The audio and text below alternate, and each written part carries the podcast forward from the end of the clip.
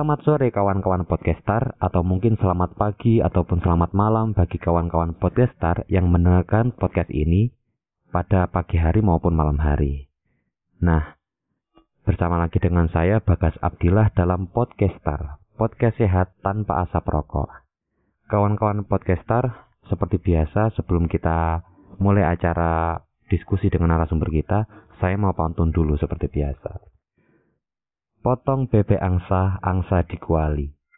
Nona minta dangsa, dangsa empat kali. Podcaster hari ini hadir kembali, yang pastinya dengan wawasan yang bermanfaat bagi negeri. Asik. Nah, kawan-kawan podcaster uh, perlu diketahui bahwasanya podcaster ini adalah podcast baru yang bertujuan untuk menyampaikan edukasi, informasi serta fakta yang berkaitan dengan pengendalian rokok khususnya pada anak di Indonesia. Nah, setelah episode 1 kita membahas tentang bahaya rokok dan episode 2 juga kita membahas tentang eh, faktor-faktor uh, yang mempengaruhi perilaku pada anak serta yang di episode 3 kita membahas tentang apa itu perda KTR. Pada kali ini kita akan uh, bukan lagi membahas tentang teori tapi kita akan bercerita tentang pengalaman dari seorang mantan perokok aktif. Beliau bernama Kak Raihan. Selamat sore Kak Raihan. Selamat sore Kak. Bagaimana kabarnya Kak? Alhamdulillah baik. Nah ini menarik sekali ya Kak ya. Beberapa waktu lalu Kakak uh, men-share sesuatu yang bermanfaat bagi eh, orang-orang yang mungkin merokok dan sekarang belum merokok tentang pengalaman kakak berhenti merokok. Ya, nah, benar. Eh, melalui video kakak banyak respon yang positif dan bisa dikatakan viral kak. Nah, pada hari ini saya hendak bertanya mengenai bagaimana kakak bisa berhenti merokok. Awal mula kakak memutuskan untuk merokok itu bagaimana kak? Dulu sempat uh, berhenti sih saat sebelum terjadi musibah pada diri saya. Uh, waktunya kalau nggak salah selama lima bulan saat proses uh, mengikuti pendidikan uh, saat itu saya mengikuti uh, uh, pendidikan cuman nggak lolos dan sedikit frustasi. Saya pun uh, merokok lagi saat itu. Dan untuk kedua kalinya proses pemberhentian merokok waktu uh, saat keluar dari rumah sakit uh, mulai perat pertama untuk proses pemberhentian rokok ya tentu saja banyak terjadi suatu keluhan pada diri saya sendiri dan di mana proses pemberhentian ini uh, yang begitu sulit bagi saya sendiri. Oh berarti kakak dulu pernah berhenti terus merokok lagi, sekarang berhenti lagi. Uh, kalau boleh tahu kemarin sakitnya sakit apa kak? Didiagnosis apa oleh dokter? Uh, waktu awal ronsen, dokter cuma bilang gini, uh, mungkin bisa masuk dikategorikan paru-paru basah dan mengecilnya paru-paru. Uh, cuman di sini dokter belum memastikan bahwa itu penyakit paru-paru basah. Dan sampai saat ini pun uh, sampai uh, lepasnya uh, kontrol, dokter belum bisa memastikan bahwa penyakit apakah itu. Begitu. Hmm, berarti sekarang sudah berhenti merokok ya kak ya? Iya, sudah berhenti saya. Apa kak rasa yang di apa yang kakak rasakan sebelum dan sesudah berhenti merokok? Uh, kalau dari sisi negatif, uh, kalau perberhentian pada diri saya, tiba-tiba merasa sedikit uh, hitam. Yang di mana sering terjadi kunang-kunang dan sedikit pusing. Mungkin kalau dari segi positifnya uh, kenormalan dari segi bernapas. Terasa lepas gitu ataupun plong di saat bernapas. Dan juga kebugaran lebih terasa pada diri sendiri. Begitu. Oh, berarti uh, merasa lebih sehat namun karena uh, sudah menjadi candu ya kayak itu efek jadi kecanduan sehingga terkadang uh, ada efek-efek seperti pusing berkunang-kunang gitu ya kak ya. Uh, dulu kalau boleh tahu kak, kakak ya. ini merokok pada usia pertama kali usia berapa? Kalau diingat dulu uh, mulai merokok saat duduk di uh, di SMP kelas 1.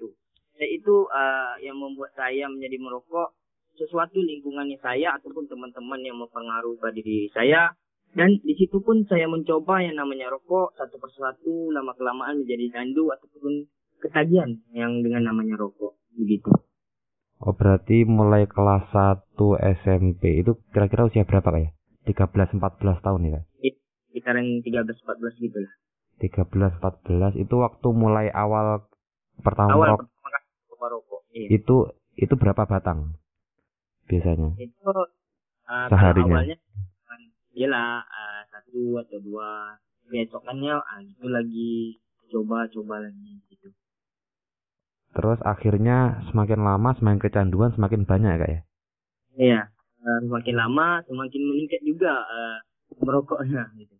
Nah, ini menarik kawan-kawan podcaster eh, seperti yang pada episode 1 ya, Dr. Feni juga menjelaskan bahwasanya eh, ketika usia anak ini merokok eh, maka dia akan menjadi kecanduan ya, kecanduan lalu lama kelamaan eh, frekuensi merokoknya ditambah, ditambah dan akhirnya semakin banyak seperti yang pengalaman Kak Raihan rasakan gitu ya Kak ya. Iya benar. Nah, terus akhirnya memutuskan untuk berhenti merokok yang tadi yang pertama, yang lima bulan tadi itu usia berapa kak? Uh, itu saat usia sekarang saya usia 18 tahun. Mungkin sekitaran 17 eh 16 16 16 lah 16. Iya benar. Hmm, berarti usia 16 itu berhenti, Iya. berhenti lima bulan terus merokok lagi ya. Iya benar. Untuk yang berhenti pertama itu alasannya kenapa kak? Bagaimana? Kalau yang berhenti yang pertama itu alasannya alasan berhentinya Itu kenapa? pertama uh, saat yang pertama itu saya mengikuti tes uh, awalnya mengikuti uh, macam seorganisasi itu binsik lah ibaratnya. Saya mengikuti itu binsik memutuskan untuk berhenti merokok waktu saat uh, proses selesainya pendidikan sekolah SMA. Jadi saya uh, mengikuti tes tersebut. Maka di situlah untuk uh, memutuskan berhenti. Gitu. Oh, berarti belum ini ya, ber- belum didiagnosis sakit ya waktu itu ya? Iya belum. Oh iya kak, Eh, dulu waktu awal merokok, apakah ada gejala-gejala ringan seperti mungkin batuk pilek waktu masih dulu belum parah itu? Eh, mungkin kalau gejala-gejala ringan eh, seperti batuk, eh, habis itu sakit tenggorokan, cuman itu cuman sebentar. Hilang hilang timbul hilang timbul begitu. Hilang timbul, oh Iya. terus eh dari gejala itu kakak kakak tetap memutuskan untuk merokok ya? Eh, tetap saya memutuskan merokok juga kayak gitu. Ini menarik sekali ya kawan-kawan. Eh, begitu juga saya sedikit cerita pengalaman ya kak ya. Eh saat saya semester berapa ya semester 2018 ya 2018 saya juga ada tugas ini kak ada tugas kuliah eh untuk mensurvei tentang perokok di salah satu SMK di Kabupaten Jember. Dan hal yang eh, hal yang saya temukan adalah ternyata 90% eh, siswa di sana itu merokok. 90% sekitar 90% karena di SMK itu kan banyak laki-lakinya ya. Lebih banyak laki-lakinya dibanding perempuannya. Beda kali beda kalau dengan SMA itu kan biasanya seimbang. Tapi kalau SMK ini kan biasanya banyak laki-lakinya dan mereka itu 90% merokok dan menariknya lagi dari 90% yang merokok itu ternyata 92 persennya dari yang merokok tadi itu ingin berhenti merokok tapi tidak bisa. Nah, bagaimana dengan Kak Raihan? Apakah dulu juga sempat ingin berhenti merokok tapi tidak bisa atau bagaimana? Eh, pernah sih kepikiran eh, untuk berhenti, cuman dengan kebiasaan ataupun eh, mungkin efek samping dari rokok kecanduan, jadi dari situ faktor utama eh, untuk susah untuk berhenti merokok begitu. Susah ya Kak ya? Iya. Hmm. Eh, terus terus akhirnya sekarang berhenti itu caranya bagaimana Kak? Mungkin Kakak bisa berbagi pengalaman bagi kawan-kawan yang ingin berhenti juga ini. Eh, dari pribadi saya sendiri sih, dulu kan eh, juga sempat berhenti ya selama lima bulan itu kan. Dan Ya. ada saat berhenti eh, yang namanya rokok, insya Allah mungkin saya berhenti. Ya mungkin dari pertama dari segi kebiasaan yang di mana di saat sudah makan itu uh, pada umumnya orang-orang merokok itu merokok. Nah, jadi saya rubah dengan kebiasaan uh, seperti memakan permen ataupun uh, ngemil-ngemil uh, makanan gitu. Dari segi pengurangan juga bisa. Dalam satu hari misalkan uh, satu bungkus itu 20 batang. Nah, jadi yang di mana saya menghabiskan 20 batang, ya saya kurangi menjadi 10 batang. Mungkin dari segi-segi itu yang uh, saya ingini dengan kegiatan positif, seperti kan uh, melakukan olahraga pagi dan sore dan berbaur dengan lingkungan yang sehat, bisa dibilang uh, orang-orang yang tidak merokok. Begitu. Nah ini menarik sekali kawan-kawan podcaster. Jadi uh, tadi disampaikan pengalaman dari Kak Raihan ya kak ya. Bagaimana berhenti merokok? Yang pertama uh, harus punya motivasi gitu ya, punya motivasi punya keyakinan bahwasanya saya harus hidup sehat, saya harus berhenti merokok. Setelah uh, setelah punya motivasi, seharusnya ada aksi yang dilakukan seperti yang dicontohkan Kak Raihan tadi bahwasanya setelah punya motivasi uh, Kak Raihan berhenti merokoknya menyicil Kak ya. Biasanya kalau yeah. merokok itu uh, habis makan uh, yeah. diganti dengan kegiatan makan permen atau mungkin mengunyah permen karet dan itu dilakukan bertahap mulai dari uh, kalau biasanya sehari 20 batang dicicil mungkin jadi 10 batang dan seterusnya gitu kak ya iya gitu nah uh, dulu waktu ini pertama kali merokok SMP itu orang tua tahu kak eh, yang pastinya uh, terkejut juga sih uh, melihat saya merokok dengan usia yang sangat muda sudah mengenal yang namanya rokok sebelum-sebelumnya itu uh, sudah dinasehat juga. Lagipun saya sendiri yang agak sedikit uh, bandel gitu kalau dinasehat. Acuh tak acuh kalau dinasehat begitu. Cuman dengan nasihat tadi timbullah rasa bosan pada waktu saya. Uh, sesampainya waktu saya ini ngomong ke adik-beradik saya uh, suruh nasihat saya. Tapi tetap juga saya ini nggak dengar. Pernah juga sih uh, abang saya ini nyusul saya buat berhenti yang namanya rokok. Tapi juga nggak mempan pada diri saya. Saya pun tetap lanjut dengan namanya merokok gitu. Berarti uh, sebenarnya keluarga kakak tidak mendukung kakak merokok gitu ya? Uh, dulu uh, ini saya tanya mengenai ini kak ya. Yeah. Waktu merokok itu uangnya dari mana kak? Apa patungan kalau, sama temen atau gimana?